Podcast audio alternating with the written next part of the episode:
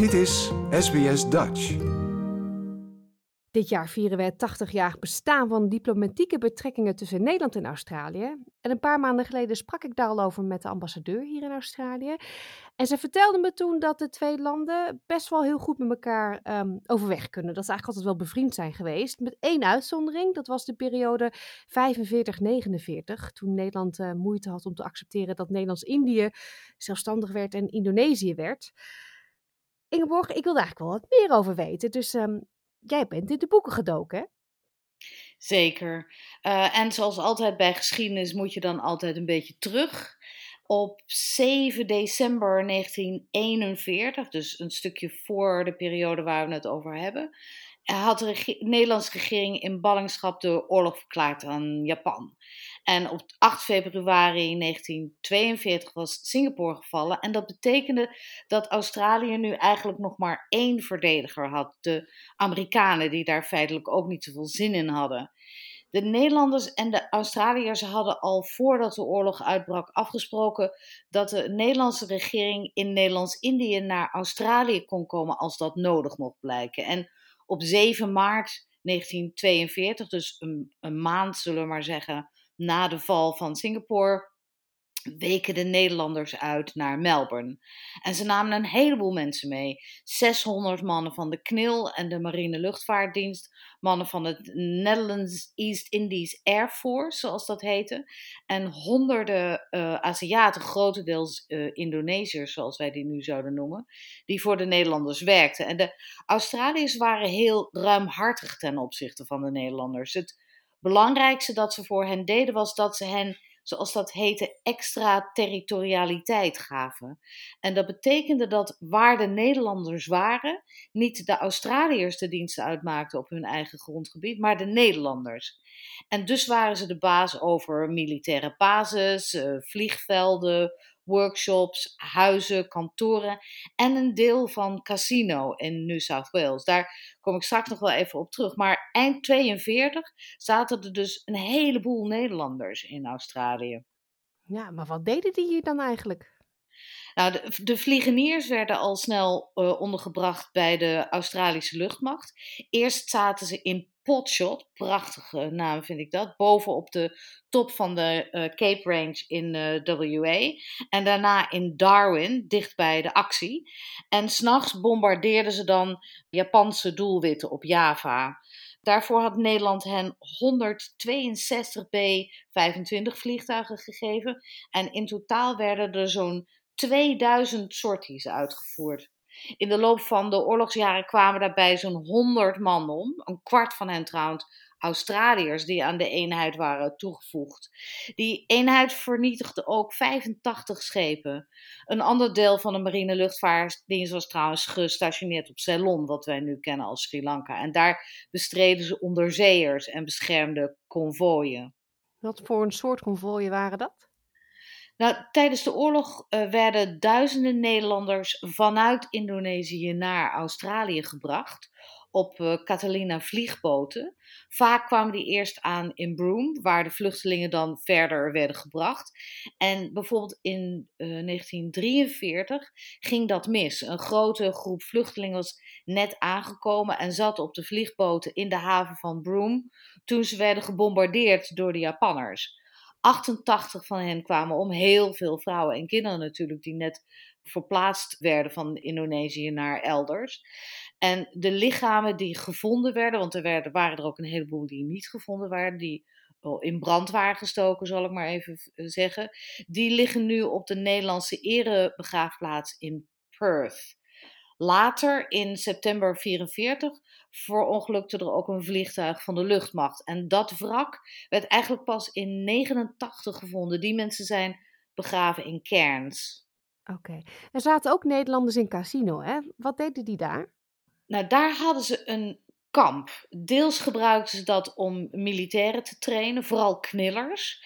Uh, een buitengewoon treurig voorbeeld daarvan waren de Surinamers toen de oorlog uitbrak, meldden 500 Surinaamse mannen zich aan voor het front. En eigenlijk wilde Gerbrandi, de Nederlandse minister-president, geen nikkertjes, zoals hij ze noemde. Want er zaten ook Zuid-Afrikanen in het Nederlandse leger en die zouden daar met hun apartheidsprincipes bezwaar tegen uh, maken. Maar de Surinamers werden toch naar Australië gevoerd om onderdeel te worden van de KNIL. En in casino werden ze getraind, onder meer in het zwaardvechten. En daarna werden ze ingezet in de oorlog. Eerst tegen Japan, daarna tegen de Indonesische nationalisten. En hun behandeling was eigenlijk tamelijk schandelijk. Ze werden uitbetaald in Japans invasiegeld, wat niks waard was. En terwijl ze in Australië waren, mochten ze de straat niet op, want zoals hun commandant zei, daar is voor jullie kleurlingen geen plaats. Dat was trouwens de Surinamers grond beloofd en een naoorlogse baan. Maar dat is er allemaal niet van gekomen. Ze kregen niet eens de medische zorg of de sociale voorzieningen die wel aan witte Nederlanders werd gegeven. Zelf hebben ze zich altijd verwaarloosd gevoeld, zoals ze dat zeiden. Ja, dus Casino was een trainingskamp. Ja, en een gevangenenkamp. Al lang voor de oorlog vochten de Indonesiërs voor hun vrijheid natuurlijk. En de Nederlanders hadden de voormannen van die vrijheidsstrijd opgesloten in kampen op Nieuw-Guinea en West-Timor. En in 43 en 44 werden ze daar opgehaald, naar Australië gebracht en in casino opgesloten. Want de Nederlandse regering wilde niet dat ze in de regio van Indonesië bleven, omdat ze bang waren dat ze dan straks guerrilla-leiders zouden worden. Die mannen zaten dus in casino opgesloten, omgeven door knillers en Surinamers en Indonesiërs die bij het Nederlandse leger in dienst waren. Een hele rare uh, opmaak natuurlijk. Het kamp zelf werd trouwens wel bewaakt door Nederlandse witte militairen. Op 18 augustus 1945, vlak na de overgave van de Japanners riepen de Indonesiërs hun onafhankelijkheid uit. Nu komen we in die periode waar we het in het begin over hadden. Dat veranderde nogal wat voor de Indonesiërs in Casino. Al snel verklaarden soldaten, Indonesische soldaten, dat zij wat hen betreft niet meer onder Nederlands bevel stonden. En meer en meer en meer soldaten volgden. En die politieke gevangenen wilden natuurlijk nu ook naar huis.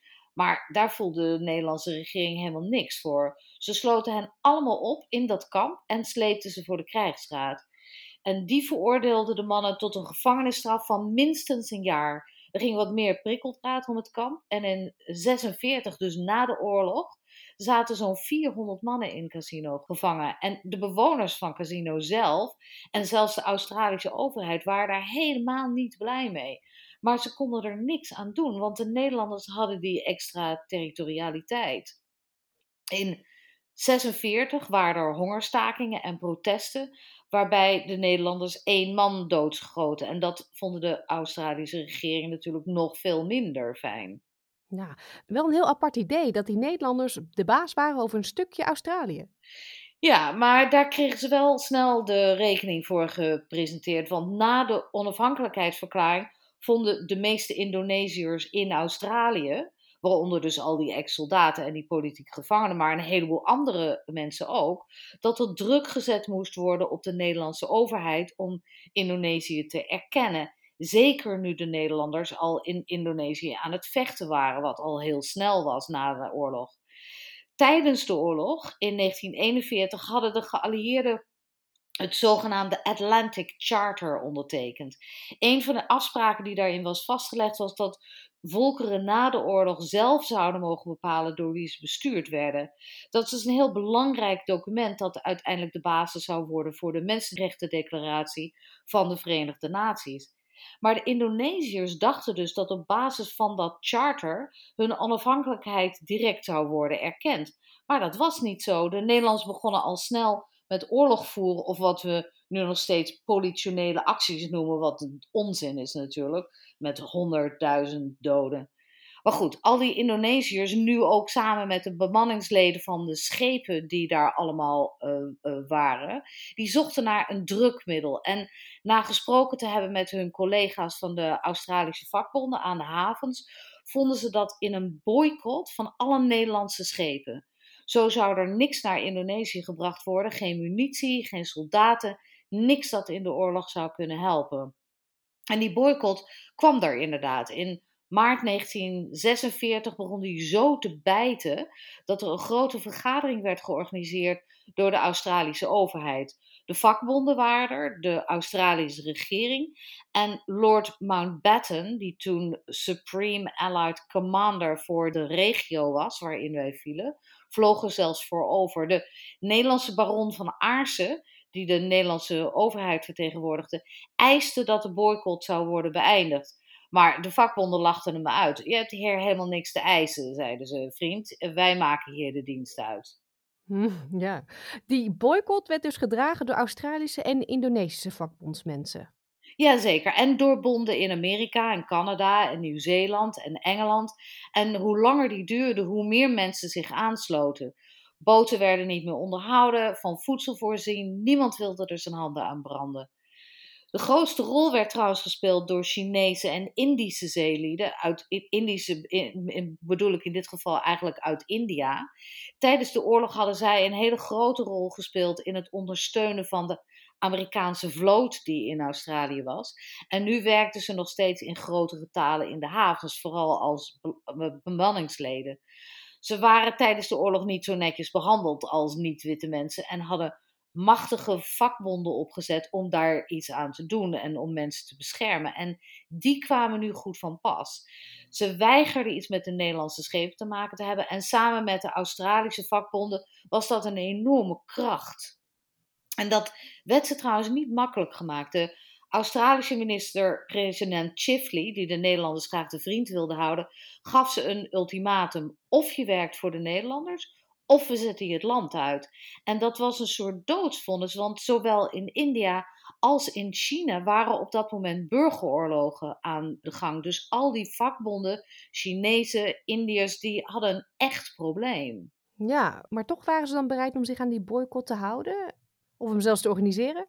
Ja, dat had deels zijn wortels in een dispuut dat zich in 1938 had afgespeeld tussen de Australische vakbonden en de bazen van de haven van Port Kembla, vlakbij Sydney.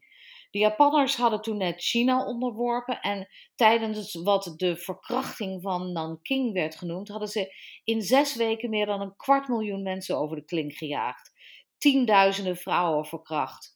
De Australische vakbonden waren daarvan diep onder de indruk en organiseerden een boycott tegen toen Japanse schepen, vooral schepen die Australisch ruwijzer, het zogenaamde pig iron, naar Japan vervoerden. Want daarvan maakten ze dan wapens. En de leus was no scrap for the Jap. En tijdens die boycott, die geleid werd door Ted Roach, de voorman van de Waterside Workers Federation, hielden de vakbondsleden het tien weken vol. Er was onvoorstelbare armoede, want ze werden natuurlijk niet betaald in die periode. En mensen werden uit hun huizen gezet en ontslagen. De verantwoordelijke minister van die tijd, Robert Menzies, hield daar de naam Pig Iron Bob aan uh, over. Tijdens die tien weken boycott en de stakingen hadden de Chinezen in Australië de mensen ondersteund met eten en geld en allerlei andere hulp. Er was dus geschiedenis tussen de Chinezen en de Chinese vakbonden en de Australiërs en de Australische vakbonden. En Ted Roach had ook belangrijke contacten gemaakt. Hmm. Maar hield dat de Australische overheid tegen om dan Chinezen en Indiërs te deporteren? Nee, uh, honderden werden uitgezet. Maar omdat de Nederlanders nog steeds bemanningen nodig hadden voor die schepen natuurlijk, waren, werden er ook nieuwe Chinezen en vooral mensen uit Indië overgevlogen. Want die wisten van niks. Maar als een schip dan toch vertrok met zo'n bemanning, dan gingen de vakbondsmensen erachteraan met kleine bootjes. En dan schreeuwden ze in Hindi of in Mandarijn of wat dan ook de, de, de taal van die bemanning was, wat er aan de hand was. En heel veel schepen keerden dan om. Op andere schepen werden bemanningsleden letterlijk met het pistool op de slaap gedwongen om aan boord te gaan. Maar goed, dat deden ze dan. Maar dan gingen ze gelijk op de grond zitten, deden niks. En voordat het schip vertrok, dan sprongen ze van boord. Hmm, dat is nogal een eh, conflict. Tot wanneer duurde dat eigenlijk? Tot in 1949, toen Indonesië officieel onafhankelijk werd. De meeste Chinezen en Indiërs werden toen gedeporteerd of ontslagen. En op hun zeemanspapieren stempelden de Nederlanders en, en de Australiërs dan het woord deserteur. Als gevolg daarvan niemand hen ooit meer aannemen. En hen wachtte dus een leven van armoede echt heel stuitend. Er was trouwens ook een Nederlander die een rol speelde in die boycott, de filmmaker Joris Evans. Evans was een hele interessante man die geheel geleid werd door de klassenstrijd, zoals dat toen nog heette.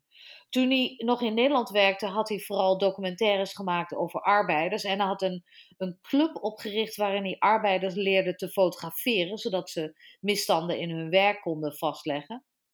Hij had uh, tijdens de Spaanse burgeroorlog een film gemaakt over het verzet tegen Franco. En was ook in de nieuwe Sovjet-Unie, die toen net bestond, geweest om daar propagandafilms te maken, bijvoorbeeld.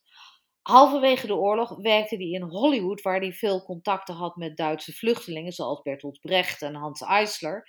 Hij had er ook een geliefde op de kop getikt, Marion Michel, wiens vader de advocaat was van die vluchtelingen. Maar Michel was ook een getalenteerd fotograaf en filmmaker. En dat zou in Australië heel goed van pas komen. Die Evans, hè, die klinkt als een heel interessant man. Hoe kwam hij hier in Australië terecht? Nou, in Amerika zat hij een beetje op de schopstoel. De FBI dacht dat hij een Russisch spion was en had dat ook aan de Nederlanders doorgegeven. De Amerikanen wilden dus eigenlijk van hem af. En toen bood de Nederlandse regering hem een baan aan als filmcommissaris van Nederlands-Indië.